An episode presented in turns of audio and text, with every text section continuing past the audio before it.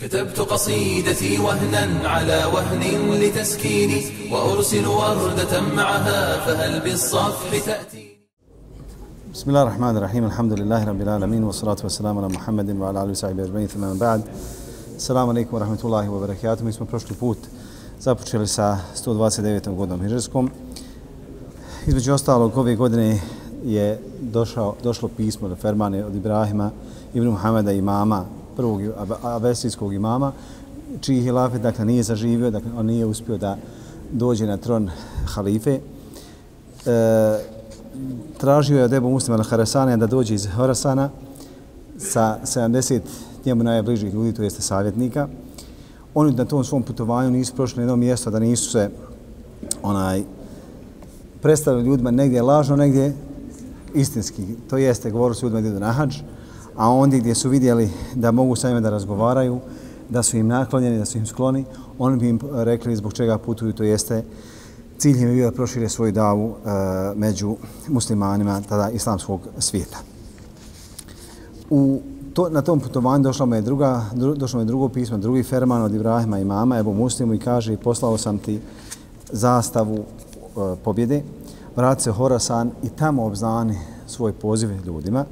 Zatim je naredio, naredio Kahtav ibn Šabibu da krene sa njim i e, sa imecima ljudi koji je pokupio i sa poklonima da krene prema Ibrahimu i mamu. Zatim da se susretnu na hađu i ovo je jedan, jedna informacija koju dan danas šije e, provodi, odnosno realizuju na hađu, svake godine se okupljaju, prave demonstracije u Meki i to onaj, možda najčistije mjesto na Dunjalku gdje nema nemuslimana i svake godine oni prave demonstracije pod nazivom Berajetu Minal Mušrikin, odricanje od mušrika. Ebu Muslim se je vratio, ušao u Horasan prvog Ramazana, obznanio je ovo, ovo svoje pismo Sulejmanu ibn Kathiru i dogovorili se da obznani poziv uh, za, za imama. Njegov, taj kažem, prvi poziv je bio da poziva za, e, u korist Beni Abbas, to je da s njima pre, preda hilafet, preuzme oni hilafet. A onda je Ebu Muslim poslao svoje ljude, svoje zaslanike u čitavu pokrajinu Horasana. Mi smo rekli da je Horasan obuhvatao dio odakle dokle? Od Iraka do, do Indije. Dakle, ogromna, ogromna zemlja, ogroman onaj, e, kako se kaže, ogromno prostranstvo koje, kojim su tada vladali. Emir Horasana toga vremena od Emevija je bio Nasr ibn Sejar. Međutim, Nasr ibn Sejar imao probleme sa Kermanijom. Postaje, dakle, kada je Kermani ubijen, on će biti uskoro, dakle, spomenut ćemo ga, nastavio je njegov, za njega njegov, onaj, bitku njegov sin. I protiv Šejbana ibn Seleme je Harurija. Oni su bili, dakle, Haridžije toga vremena. Usprotivili se halifi i vi ćete vidjeti kako je svaki od njih e, završio.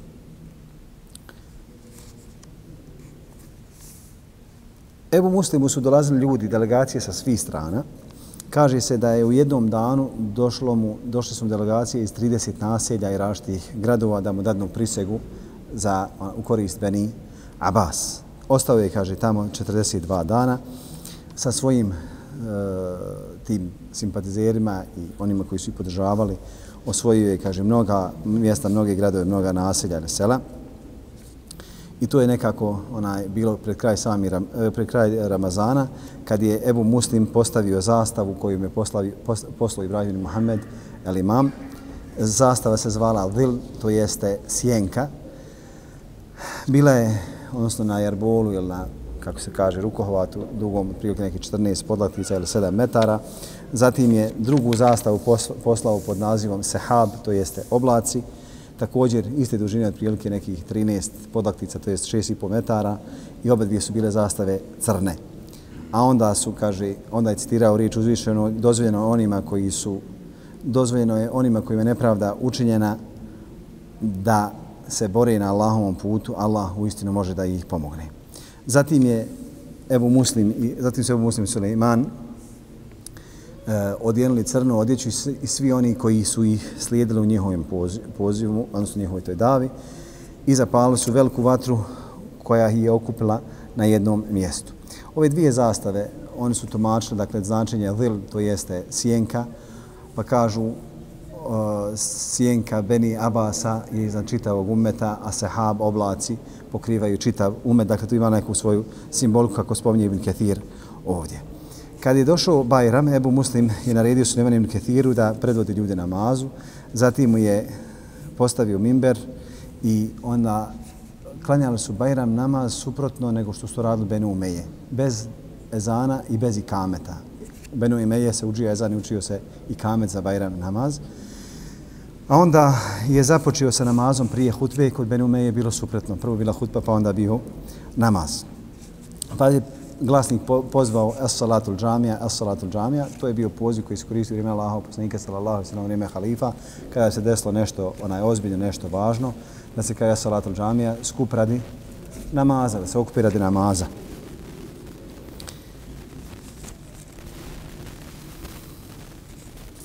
Kaže, Ibn Kathir ovdje opisuje način njihove hutbe, pa između ostalog, kaže, Nasr ibn Sejar je dobio pismo uh, od Ebu Muslima u kojem je Ebu Muslim rekao Bismillahirrahmanirrahim od Ebu Muslima na, Nasr ibn Sejar, pa je bilo ona Nasr krivo zašto je stavio prvo svoje ime, a nije njegovo ime.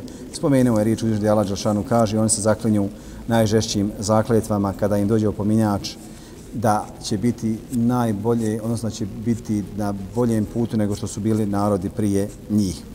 Kaže, ovo je teško palo, a onda je rekao Nasr ibn Sejar, ova, ova je Fervan, ovo pismo ima svoj odgovor. Ibn Đarir kaže, Nasr ibn Sejar e, je poslao e, veliku konjicu protiv Ebu Muslima, I to 18 mjeseci nakon što je Ebu Muslim započeo davu prema, odnosno u korist Benu Abbas. Ebu Muslim je poslao Malika ibn Haytham al-Huzaije, pa su se susreli, a onda je Malik pozvao na zadovoljstvo Allaha i njegova poslanika i da uđu u okrilje al beta Allahova poslanika sallallahu alejhi ve sellem kaže pa su odbili se neka oko kindije postrojile vojske jedna protiv druge pa je isto u tom vremenu i došla pomoć Maliku i on je uspio da pobjedi onaj vojsko od e, Nasra. Ove godine je Hazim ibn Huzeime osvojio Meror Ruz, ubio je njegovog namjesnika koji je bio postavljen strane Nasra ibn Sajara. Ove godine također Bišni ibn Džafer Sadi, onaj e, protjeran, odnosno ubijeni, eh, njegove su vojske protjerane, a onda je napisao pismo Ebu Muslimu šta je uradio, odnosno da je osvojio ovaj predio. Zatim Ebu Muslim, za njega se kaže da je bio veoma mlad momak. Mi smo prošli put govorili da je on bio iz eh, jedan od oslobođenih robova koji je bio iskorišten zbog svoje hrabrosti, umijeća, razboritosti, lijepog govora koji je koristio. Bio je, kaže, oslobođen rob Idrisa ibn Makla el Ađalija, pa ga je, kaže, neki od onih koji su pozivali na hilafet Ben Abasa odkupio za 400 dirhema, onda ga je Mohamed ibn Ali uzeo pod okrilje Al el Abasa. Ibrahim, imam ga je oženio kćerkom od Nežma ibn Ismaila ibn Imrana i platio mehr za njega. Zatim je napisao svim svojim namjesnicima u Horosanu i Iraku, svim onima koji su širili njihov, dakle, poziv njihov hilafet, da mu se pokore, to jeste Ebu Muslim, da se pokore, to je radi onaj Mohamed Muhammed ibn Ibrahim al imam, da se pokore njemu i da uđu pod njegovu upravu. Vi sjećate dakle, da je prije godinu dana kad je on pozivao ljude, niko ga nije shvatio ozbiljno, pa je ove godine onaj, prihvatili su njega i njegovo vodstvo.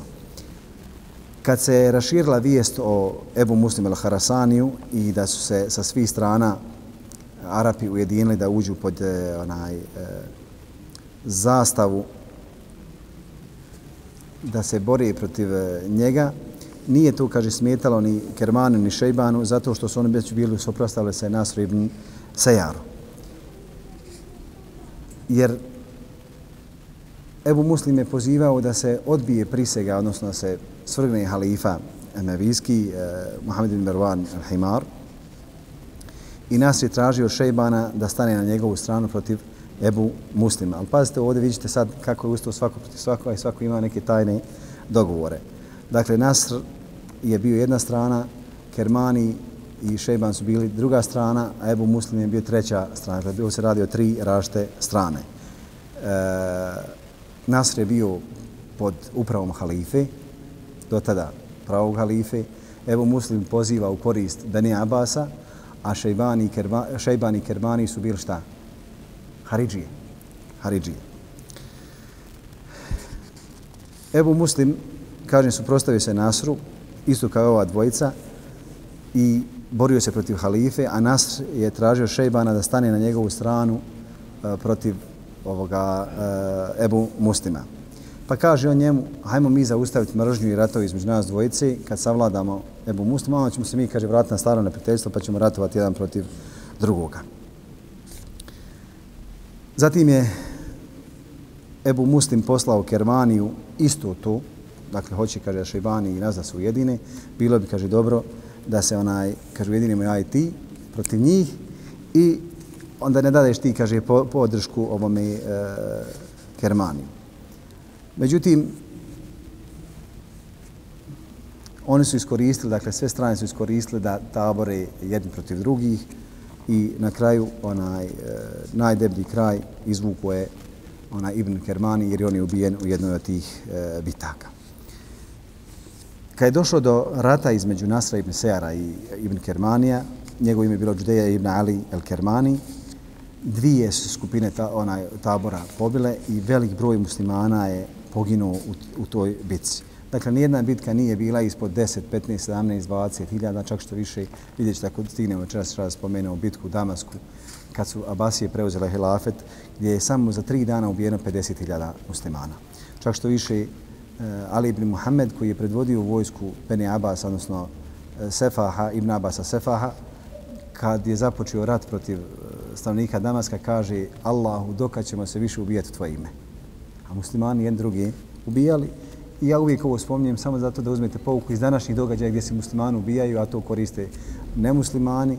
I tada su koristili nemuslimani, jer tada je Bizantijska i Perzijska država, dobro, Perzija već bila propala, ostala je Bizantija koliko toliko da zadnjim onaj, izdisajima, pa su iskoristili ratove muslimana da se oni ponovno dignu nešto kasnije protiv onaj muslimana. Kaže pa Ebu Muslim obraćao se jednoj drugoj i Nasru i ovome Kermaniju, kao ja nisam neprijatelj nikome od vas, meni, kaže, imam naredio da budem dobar prema svima, ja nisam vaš, kaže, neprijatelj, neću otići daleko od vaših stavova, dakle, neću daleko od vaših stavova, a onda je napisao u sve pokrajine Horasana da poziva na hilafet Bene Abasa i odazvao se, kaže, velika, odnosno veliki broj ljudi mu se odazvao. Zatim je došao kod Ebu Muslima i onaj Nasra i stao između njihovih tabora za, sa svojom vojskom, kaže, pa jedna i druga vojska su se ono istraho poštovanja prema njemu nisu započinjali rat. Ebu Muslim je, kažem, pozivao u, onaj, u pokornosti Ibrahimu ibn Muhammedu i kada je došlo pismo do Ibn Mervana, odnosno e, do Mervana ibn ovoga, Muhammeda el-Himara, šta se dešava, on je napisao Nasru, šahidu jera mala jera gaib. I ovo je ostala rečenica do dan, danas kad se koristi, kad neko nešto upitaš šta ima kod vas u Sarajevu, kaže, onaj koji gleda nije onaj koji nije tu prisutan. Dakle, ti znaš najbolje kakva je situacija tvoja. Kaže, pa su to protumačili Nasru, kaže, tvoj ti prijatelj hoće reći da ti on pomoć ne može poslati. Dakle, sam sebe snađi se između tih vojski. Također, Ibn Habira ili Hubeire poslao je e, dopis ili pismo Ferman Nasru od Mervana i u isto vrijeme je došla priča o tome kako Ibrahim el Imam širi pod vodstvom ili pod upravom ili pod onaj e, davom Ebu Muslima među muslimanima teoriju kako treba dati prisegu e, Beni Abbasu i da se u tim govorima ponižava onda da oni vrijeđaju da ga psuju i tako dalje. Kaže, naredio je Nasr ibn Sejaru, ibn Kermanu, da ne ostavi nikoga tamo ko zna da priča arapski jezik. A onda je, kaže, Mervan, dok je bio u Haranu, poslao svog namjesnika, svom namjesniku Damasku, veli divnim Muavim Abdul Meliku, naredio mu da krene prema Hamimi i to da nađe Ibrahim ibn Muhammeda imama i rekao Hamim ili Hamejma, tu se kaj nalazi Ibrahim ibn Muhammed, uhapsi ga, sveži ga i pošalji ga onaj meni uh, u Haram.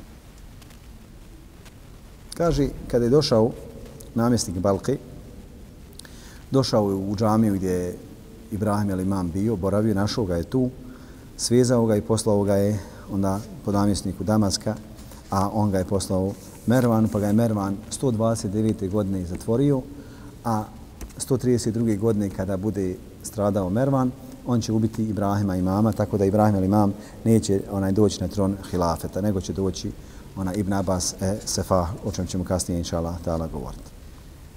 Kaže, Ebu Muslim je ispostavio se ili postavio se dvije vojske između Nasra i Ibn Kermanija, zatim je napisao Ibn Kermaniju, kaže ja sam sa tobom na tvojoj strani, a onda ga Nasr upozorava, nemoj se, kaže, onaj, zavaravati, onak bude mogu da iskoristi priliku, kaže, ubiće tebe i tvoje prijatelje.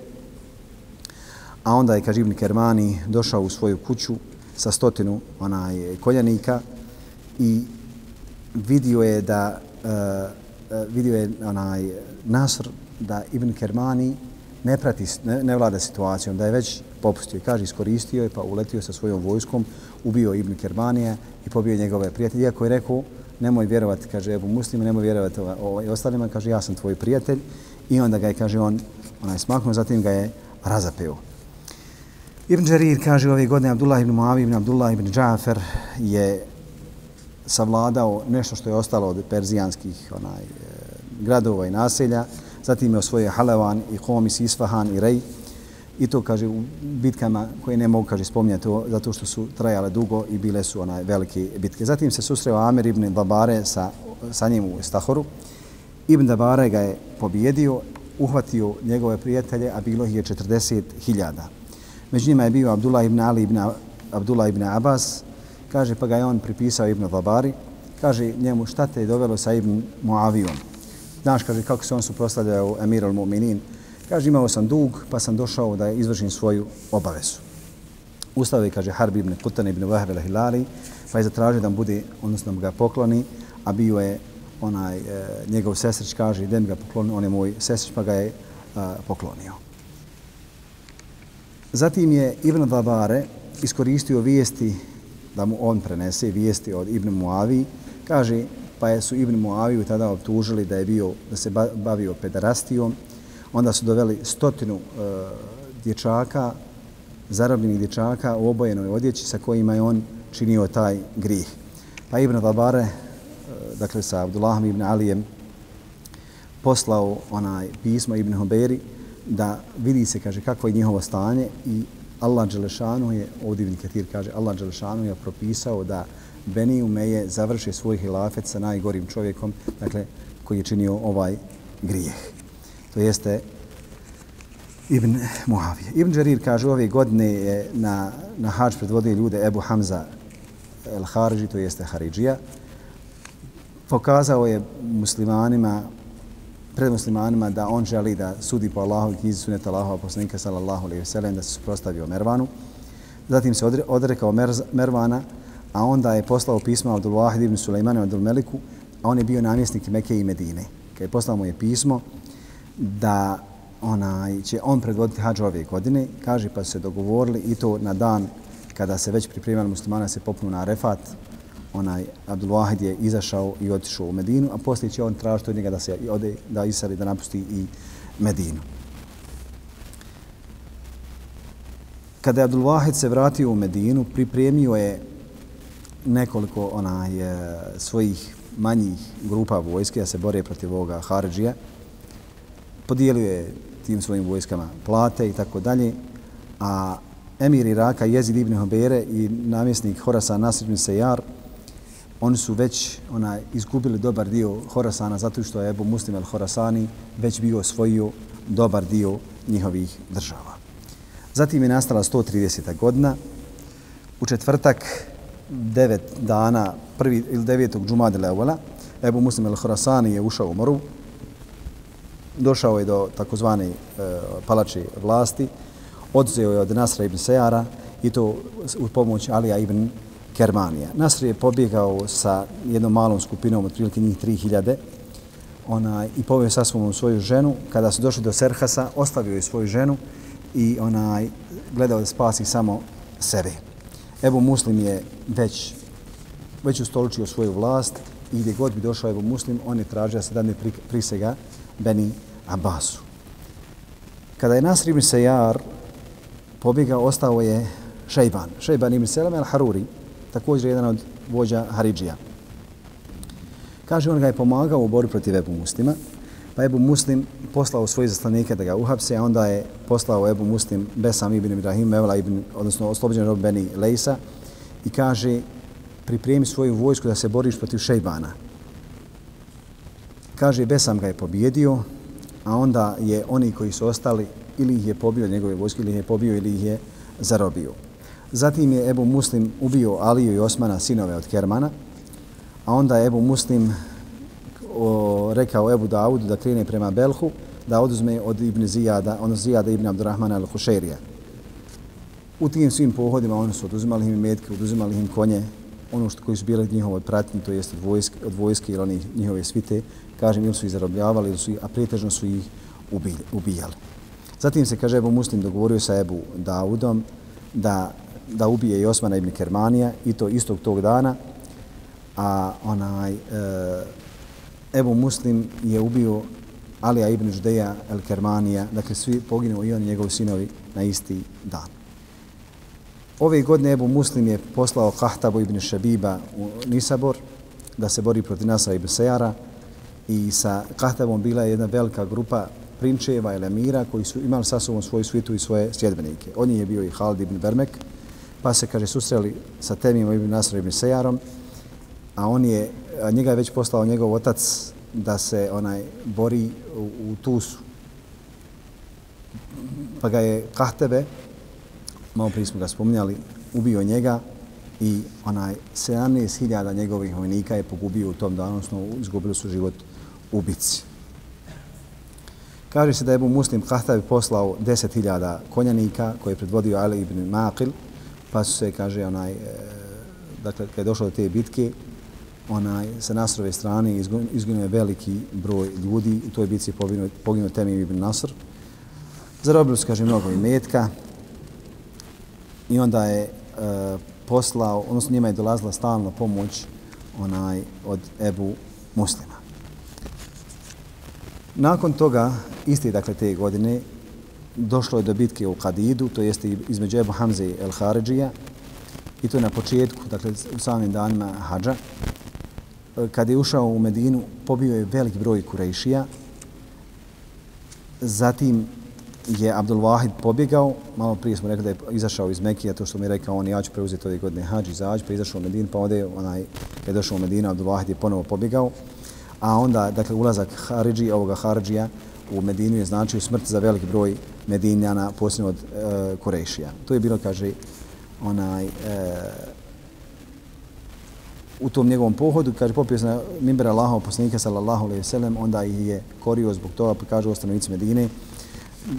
Mijenjali se, kaže, rašte generacije ili halife među vama, između njih je bio Hišam ibn Abdul Melik, Zatim vas je, kaže, Allah iskušao time što niste imali usjeva, pa ste tražili od njega da vam on dokine neka, neke vrste plaćanja i da vam onaj dadne nešto više para, kaže, pa ste povećali svoje bogostvo, pa ste rekli Allah te nagradi svakim dobrom, da ga Allah ne nagradi svakim dobrom.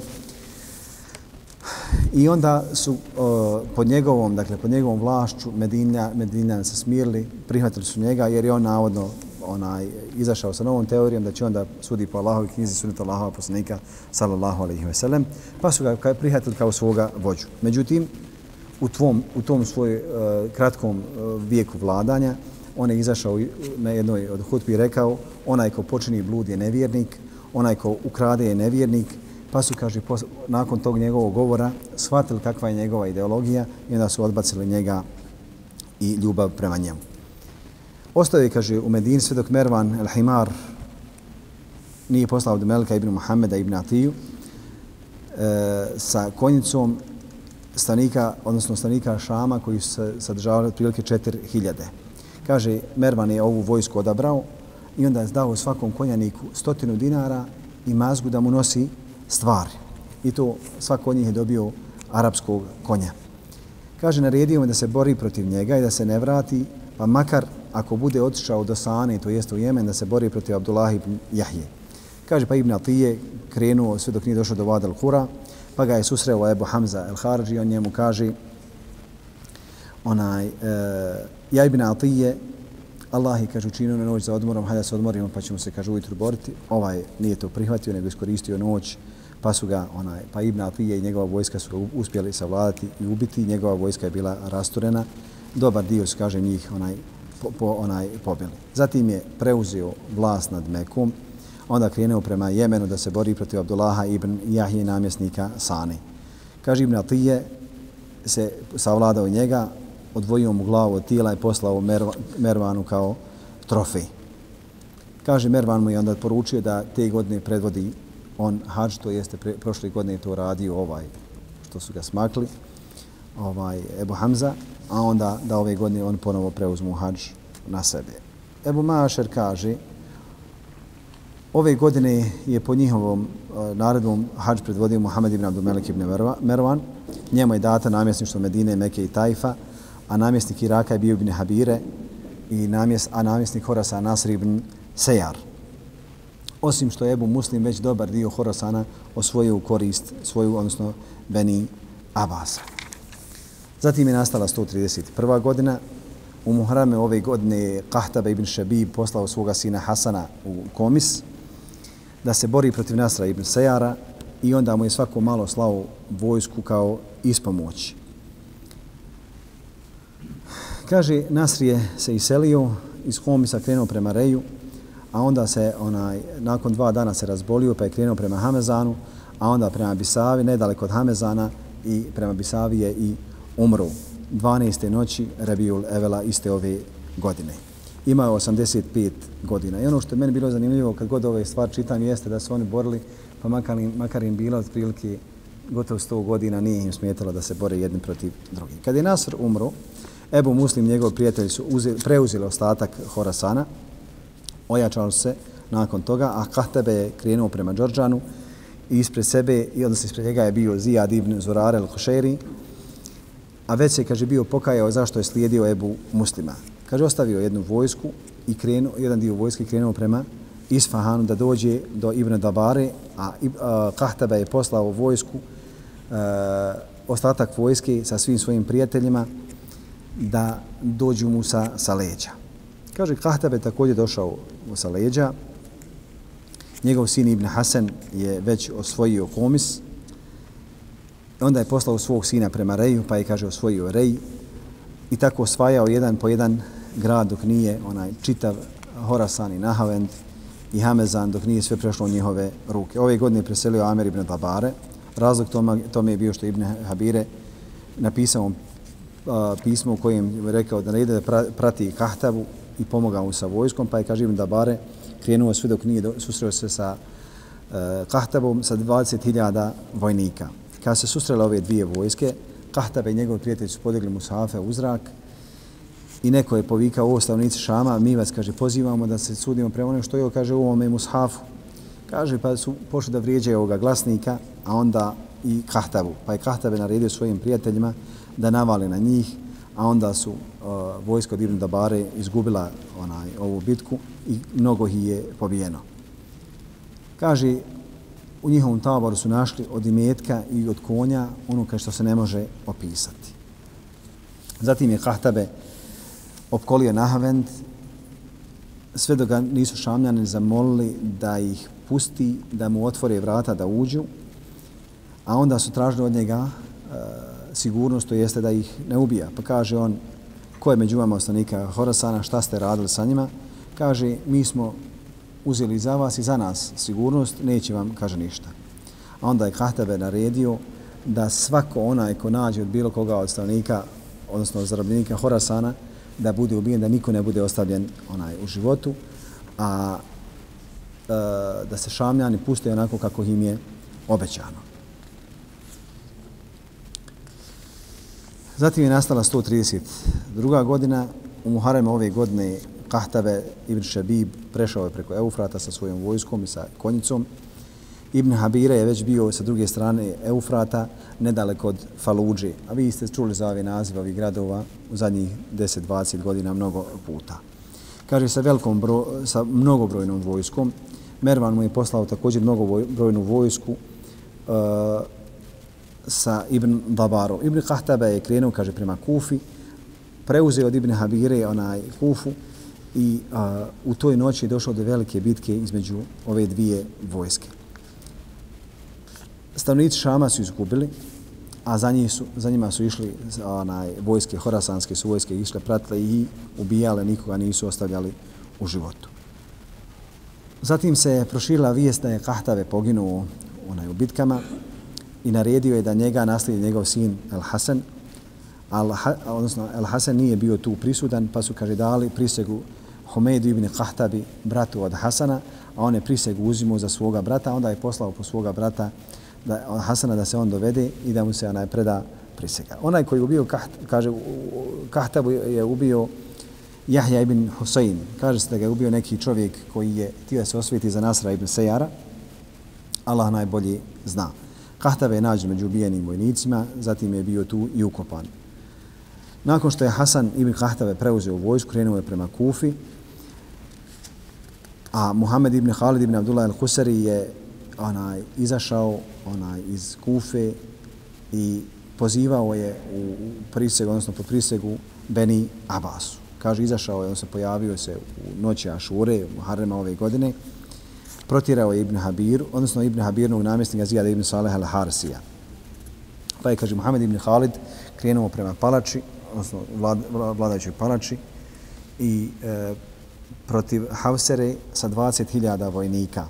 Kad se približio Kufi, sljedbenici Hafsare su onaj, e, otišli Muhammedu ibn Haldam dadnu prisegu za Beni Abasa, a kada je Hafsare vidio da je njegova vojska se odvojila i otišla dadnu prisegu, oni, kaže, ostavio vojsku i pobjegao prema Vasitu. Onda je ušao Hasan ibn Kahtabe u Kufu i, dakle, onaj, bilo je to nakon po vasijetu njegovog oca Kahtabe, da on što, nakon što on preuzme, dakle, namjesništvo i da poziva onaj na hilafet, odnosno halifi, odnosno na, na, na poslušnost halifi.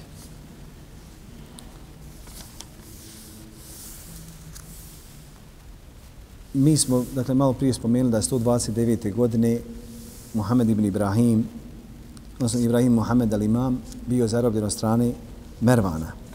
Nakon što je Mervan saznao da on da se poziva njemu na njegov hilafet ne, uh, i da to čini Ebu Muslim al-Horasani, naredio je da ne ostavi nikoga u Horasan ko govori arapski jezik, a da ga neće dakle, uništiti, odnosno ukloniti sa zemlje. Kada je Mervan saznao za ovo pismo, on je rekao da, se, da mu se dovede Ibrahim, odnosno da bude uhapšen, da mu se dovede i tako je bilo. Pa je namjesnik otišao kod njegovog brata Ibn Abasa Sefaha i mislio da je on. Pa kad je ubijeđen, odnosno kad ga ubijeli da nije on, nego da se radi, da traži njegovog brata Ibrahima, oni su pokazali gdje se Ibrahim nalazi, pa su, kaže ona, Ibrahima zarobili. I e, nakon toga je njegov brat Ebul Abbas Esefah bio u zamjenu za njega budući halifa, na što će se kasnije dakle, manifestovati, preuzeći on hilafet. Sa sobom je poveo šestorcu svojih amidža, Abdullaha, Dauda, Isu, Saleha, Ismaila, Abdusameda, zatim onaj, oni su bili, dakle, sinovi od Alije, zatim njegovog brata Ebu Labasa Sefaha, zatim Muhameda i Muhameda sinova od Muhameda ibn Alija i njegova dva sina Muhameda i Abdul Vehaba, sine od Ibrahima, imama koji je već bio uhapšen. Kad su ušli u Kufu, došli su kod Ebu Selam ila Hilalija, u kuću Velida ibn Sada, jedan od oslobođenih robova Benu Hašima, i on ih je čuvao 40 dana i 40 noći kad god bi se onaj pojavila priča gdje se nalazi, on bi ih preselio s mjesta na drugo mjesto da ih spasi, odnosno od potrage e, Mervanovi. Mervan ga je zadržao, Mervan ibn Muhammeda je zadržao Ibrahima i mama u zatvoru sve do ovog trenutka i kaže da je u zatvoru umru. Druga teorija da su oborili zid na njega, da su ga ubili. Treća kaže se da su mu svezali glavu e, krpama, vrećama, da se ugušio četvrta stvar da su ga spalili, Allah najbolje zna šta je vjerodostojno da ovih priča. Uglavnom, Ibrahim el Imam je ubijen onaj tog, toga vremena. Kaže da se među nazvom uklanjao Behlu ibn Safvan, bez obzira na rašte teorije kako je on ubijen i da li je onaj e, ubijen na ovaj na onaj način, on je ipak došao do njegovog tijela i klanjao, klanjao mu džnazu i ukopo ga Behlu.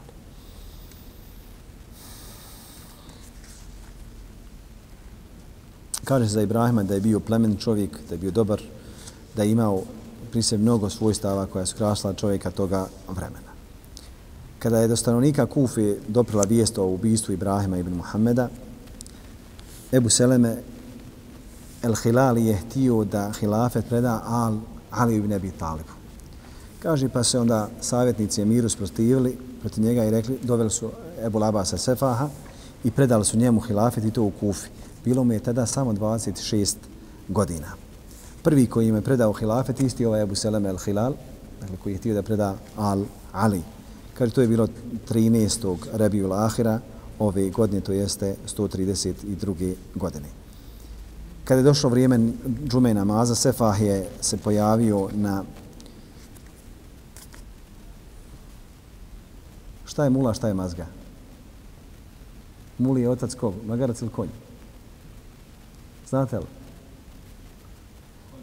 Konj. A mazga je suprotno. Kaže, pojavio je na, svoj, na svojoj mazgi, šarenoj mazgi crno-bijele boje. Sa njim je bila, kaže, vojska koji su odijeli istu odjeću. Zatim su, kaže, izašli prema onaj Mešetul džamija i klanjao je, e, predvodio ljude na maz, zatim se popio na mimber i ljudi su mu davali prisegu. Za njim se, za njim se na mimber, na treću stepencu, E, popeo Daud ibn Ali, njegov amidža. Pa je Sefah govorio, obratio je im se onaj muslimanima, kako im je Allah vratio vlast, kako je Allah Đalšanu dao vlast pravima i tako dalje. I u, tvom, u tom svom zanosu toliko se umorio da je pošao padne u nesvijest. Kaj pa je sjeo na sedmoj stepenci, onda je Davud ustao i nastavio govor u njegovo ime sa istim značenjem. Zatim Ebu Abbas i Davud se spustili sa, onaj, sa, sa Emberije, završili sa namazom i ljudi su im davali prisegu od džume do ikindije, onda od ikindije sve do onaj noći nakon ikindije namaza. Abbas je krenuo sa svojom vojskom na doma Kufe, utaborio se pored Kufe, a u Kufi ostavio Dauda kao namjesnik. Zatim je poslao svoga Amidža Abdullaha ibn Alija, Ebu Onu ibn Abi Jezid. Poslao je svoga brata Isu ibn Musu, Hasanu ibn Kahtavi i rasporedio sve svoje Amidže gdje će koja vojska prema kome otići. Kaže, ostao je tom svom taboru na doma Kufe nekoliko mjeseci, a onda se je naselio u Hašimijski grad ili Medine Hašimije u vladajuću palaču. Kaže, kada je došao do Ebu Seleme el Hilala, nije mu htio se pokazati pravom onaj licu, nego je se prerušio, jer je čuo da ovaj e, se usprotivio uh, hilafetu Beni Abasa i da je želio da se preda hilafet Al Aliju, Allah najbolje zna. U ovom je vremenu 132. godine se završio hilafet Beni Umeje. Ubijen je Mervan ibn Muhammed ove godine, posljednji halifa i hilafet 132. godine prelazi u ruke Beni Abasa, a onda Ibn Kathirov spominje, spominjali ajte gdje Allah Đešanu kaže Wallahu yuti mulkehu men ješa, Allah daje svoj vlast kome on hoće. Kad je do Mervana došla vijest o Ebu Muslimu i njegovim e, izaslanicima kako šire e, vijest i poziv u Horasanu da se poziva u vlast Beni Abasu, došao je kaj nedaleko od Mosula, do mjesta ili do rijeke Zab i to na, eh, na ovome takozvanom na, na džaziri. Zatim je dobra do njega vijest da je Sefa Hudata prisega i to u Kufi i da se oko njega okupile vojske. To mi je, kaže, teško palo. Pa mi je došao Ebu On i Nebi Jezid sa velikom uh, vojskom i skupila se oko Mervana 150.000 vojnika, neki kažu 120.000 vojnika. Sa druge strane, Sefahova vojska brojala je 20.000 vojnika pod vodstvom Abdullaha ibn Alija. Amidži od koga? Od Abasa. Amidži od se, uh, ibn Abasa Sefaha. Kaže Mervan Abdulazizu ibn Omeru ibn Abdulazizu. Ako, kaže, sunce pređe podne i oni ne povedu bitku protiv nas, mi ćemo, kaže, predati ovo pismo Isi, sinu Merjeminu. Jer je Sefah, kad se popije na Mimberu, rekao Allah nam je darovo ovo vlast, nećemo više nikad nikom prepustiti dok ne dođe Isa, sin Merjemin. Pa kaže Mervan, ako prođe podne, ne počnu biti protiv nas, kaže mi ćemo. Ako, kaže, krenu na nas prije nek što sunce dođe u zenit, kaže ina lillahi wa ina ilaihi rađion. Dakle, gotovi smo. A bilo je šest ili sedam puta više nego ovi, a džabe Kaže pa onda jedan od Eh, njegovih zetova, Velid ibn Muavi ibn Mervan, zet bio žen njegovom čirkom, nije ga poslušao, pa je prije zevala, prije, dakle, što je sunce došlo u zenit, potjerao svoju vojsku na Abdullaha ibn Alija. I to je, kaže, bilo presudno. a onda je Mervan povikao na sve strane, dakle sva plemena je, ona je povi, e, poslao svoje glasnike, kaže recite Kudaj nek, nek ne pokreću svoje vojske, recite Benu Selimu neka se smire, Sekasiku nek se smire, Beni Amiru nek se smire, zatim i Sekunu i, i Gatafanu i svima onima koji su bili njegovi vojsci da se smire. Međutim, Abdullah ibn Ali iskoristio o, ovu priliku i onda sa 20.000 svojnih vojnika rasturio je vojsku i u toj onaj e, bitci velik broj šamljana je izgubio život u rijeci, ugušili su se. Dakle, ne direktno bojom, nego se ugušili. Između ostalog i onaj Mervan je, kažem, poginuo. Kada je Mervan izgubio, vide da je izgubio bitku i da je Abdullah ibn Ali osvojio, Abdullah ibn Ali ostao je sedam dana iza njega, a on je krenuo sa nešto malo sa svojih vojnika prema Haranu, Zatim e, prošao je kraj Muhameda, odnosno Ebu Muhammed Sufjanija. Prošli put sam rekao kada je uzeo njih sve iz zatvora, rekao da se oni pobije se vojske pusti, a da oni koji su predvodili vojske protiv halife da budu pobijeni, osim ovoga Muhameda Sufjanija, zato što je kod njega bile vijesti odakle o svim skrivenim stvarima, riznicama, tajnama, blagu i tako dalje. Kaže, pa uzeo njega iz njegovog zatvora, a umjesto, dakle, postavio namjesnika Ebana ibn Jezida, svoga sestrća. Zatim je Abdullah došao do Harana, pa je Eban ibn Jezid e, izašao onaj ispred njegove vojske, pa mu je Ibn Ali, to jest e, Abdullah ibn Ali dao sigurnost, to jest da ga neće onaj e, ubiti, ubiti. Zatim kuća u kojoj je ubijen Ibrahim ili imam, kaže, srušio je, a onda je, kaže, Mervan se otišao, sakrio se u Hansarin sa ciljem da ode do Himsa. Kada je došao u Hims, ili kako vi kažete, Homs, jel? Kada je došao u Hims, stanovnici Himsa su ga vidjeli da je sa njim malo brojna vojska. Pa su, a znali su da je halifa. Pa su oni htjeli da ga ubiju. Oni htjeli da ga ubiju pa kaže ponižen si i ostao si dakle, sa nešto male vojske. Ali je Mervan bio opasan nego je pripremio dvije, e, dvije grupe vojnika i konjice iza svojih leđa. Kaže, ako mi se ovi usprotive, vi, kaže, njih klepite. Pa su kada tako radi, kad njega stanovnici Himsa potjerali, halifu su potjerali njegovu vojsku, ovi su došli sa leđa i onda su ih pobili sve. Zatim je Mervan došao u Damask. U Damasku je bio Velid ibn Muavije ibn Mervan, a onda je ostavio Damask, krenuo prema Egiptu, a uh, Abdullah ibn Ali je došao do svakoga grada gdje je bio Mervan, osvajao ga i davao im je sigurnost, to jeste e, ostavljao ih u, živo, u, u životu. Kad je došao do Hansarina, sa njim se spoji njegov brat Abdusamed ibn Ali sa 4000 vojnika. Jer mu je Sefah svako malo slao onaj vojsku onaj u pomoć. Kad je Abdullah došao do Himsa, onda do Baalbeka, e, krenuo je sa svojim vojskama prema, Dama, prema Damasku.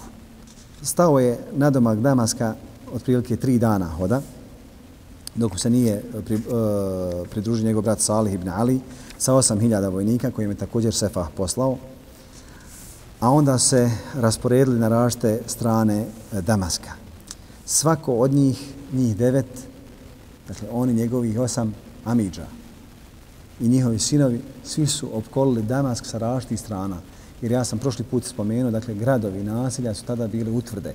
Imali su svoje zidine i nije se moglo tek kao što danas postoji gra, onaj grance država neko čuvao tu grancu, tako su njihovi onaj kaže a onda su ušli u Ramazanu u Damask pobili su mnogo stanovnika Damaska i onda su rekli tri naredna sata. Ja ne znam kako su mjerili vrijeme kaže mi Kethir uh, tri naredna sata su uh, rekli vojsi da mogu da radi šta hoće. Dakle nema ženevskih konvencija, nego radite šta hoće. Srušio je zidine, neke zidine Damaska, a onda se stanovnici Damaska unutra bili su veoma jaki, onaj, E, podijeli se između, između sebe. Kome će dati, onaj, odnosno kome da ostanu lojalni? Da li da prihvate Beni Abbas ili Beni Umeje?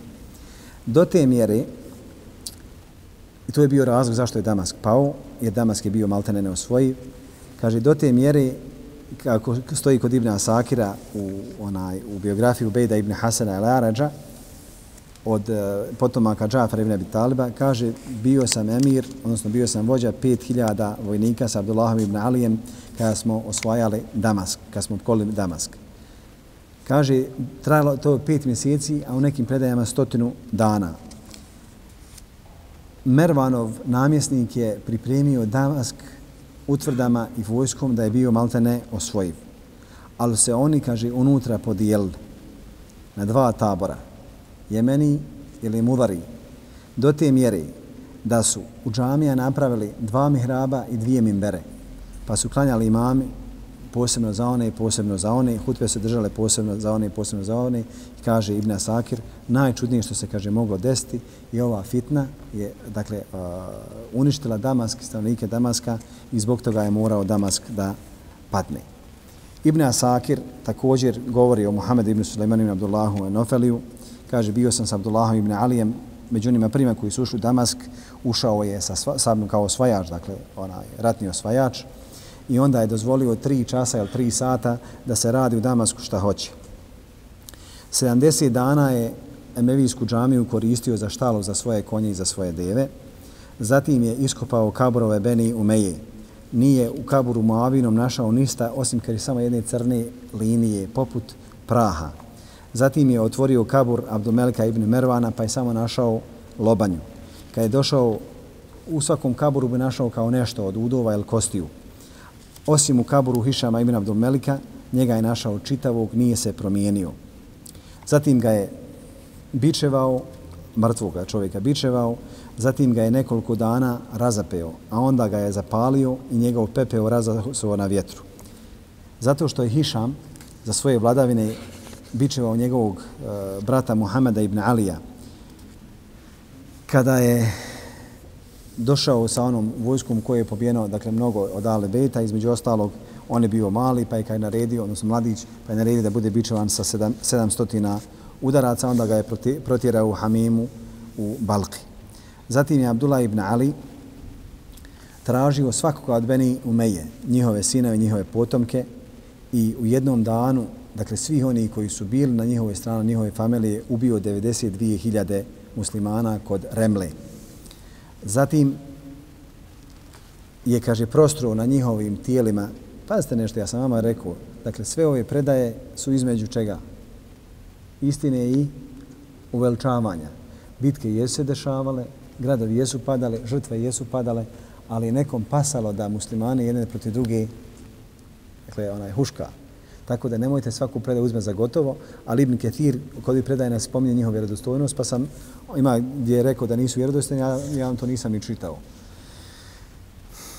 Kaže, prostroje sofru i onda je, kaže, jeo na njihovim tijelima. Zatim je poslao po ženu od Hišam ibn Abdumelika po imenu Abda bint Abdullah ibn Jezid ibn Muavije, a onda je, kaže, nju i jednu skupinu sa njom protjerao u pustinju da hodaju bosi, goli, bez pokrivenih lica i bez pokrivenog tijela. Zatim su je ubili, spalili, a ono što su zateklo njenih kostiju nakon što se raspalo tijelo, što se raspalo tijelo, onaj, e, oni su razasuli na vjetru nakon što je spaljeno onaj e, kost. Zatim je pozvao Eleuzaje. Imam Eleuzaje, rahmehullahu ta'ala, kaže, došao je pred njega, pa on njemu kaže, ja eba Amr, šta kažeš onome što smo mi uradili? Pa kaže Evzaji, ne znam osim kao što sam čuo od Jahje ibn Sejid al-Ansarija. On prenosi od Muhameda ibn Ibrahima, od Alkame ibn Omera ibn Hataba. A on od Omera ibn Hataba kaže, rekao Allahu poslanik sallallahu alejhi ve sellem: "Innama al-a'malu binniyat." Djela se vrednuju prema namjerama. Kaže pa spomenuo hadis u cijelosti. Kaže ona Evzai, čekao sam samo kad ću kaže vidjeti da mi glava spusti se među moje noge, to jest da me ubije.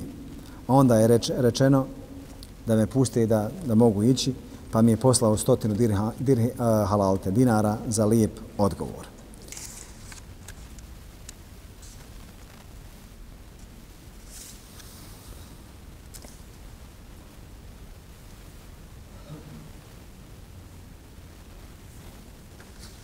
Ovdje ponovo spominje putovanje Mervana, kako je Mervan onaj, poginuo. Mervan je bježao iz grada u grad, iz grada u grad, zatim je bježao sa lađama niz Nil prema onaj Sudanu, sve se nije susreo sa jednim e, monahom. Kaže u, u crkvi od Ebu Soira pa je došao do ovog monaha i upitao ga nekoliko riječi i kaže znaš li ti ko sam kaže znam ti si kaže emir i bit ćeš kaže ubijen u zemlji Sudana Kaj tako smo našli u našim knjigama onda ovdje čitava neke stvari koje više liče na sihr nego što liče na, na istinu Mervan ibn Muhammed ibn Mervan ibn Hakem ibn Abi As ibn Umeje, Kureši, Emevi, Ebu Abdul Melik, Emirul Mu'minin, posljednji halifa Beni Umeje. Njegova mati je kur, uh, bila kurdika po imenu Lubaba.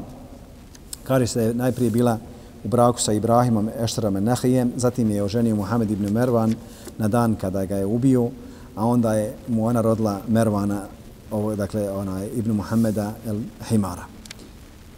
Kaže se također za nju da je bila u braku najprije sa Musabom ibn Zubeirom.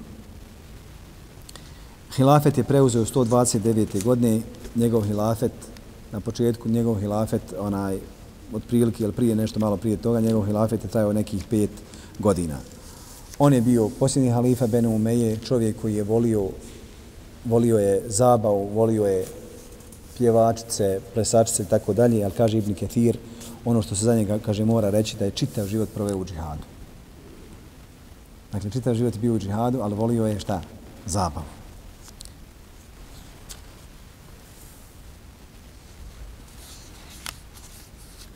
Zubair ibn Bekar prenosio svog amidže Musaba ibn Abdullaha pa kaže Benu Umeje su smatrali da hilafet neće propasti osim na rukama onoga čija je mati robkinja. Kada je Mervan preuzio hilafet, onaj znali su da je kraj na njegovim rukama. Allahom poslanik sallallahu alaihi sallam bi rekao u jednom hadisu, kaže, neće prestati biti hilafet u Beni Umeje sve dok se ne počnu onaj dječace njihovi igrati. Kada izađe iz njihovi ruku, nema, kaže, više hajra u životu. Ovaj hadis je munker, to jeste hadis nema nikakve osnove da rekao Allahu poslanik sallallahu alaihi veselem.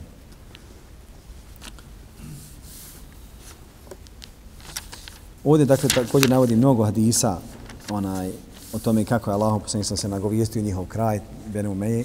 Ni jedan hadis nema svoje vjerodostojnosti. Allah najbolje zna. E, Beni Abbas su zavladali 132. godine počne tada njihov hilafet.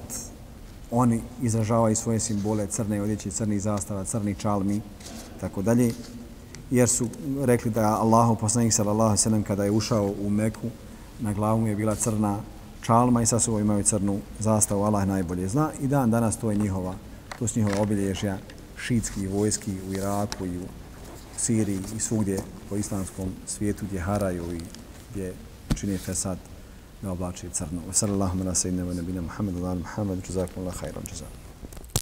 كتبت قصيدتي وهنا على وهن لتسكيني وأرسل وردة معها فهل بالصفح تأتيني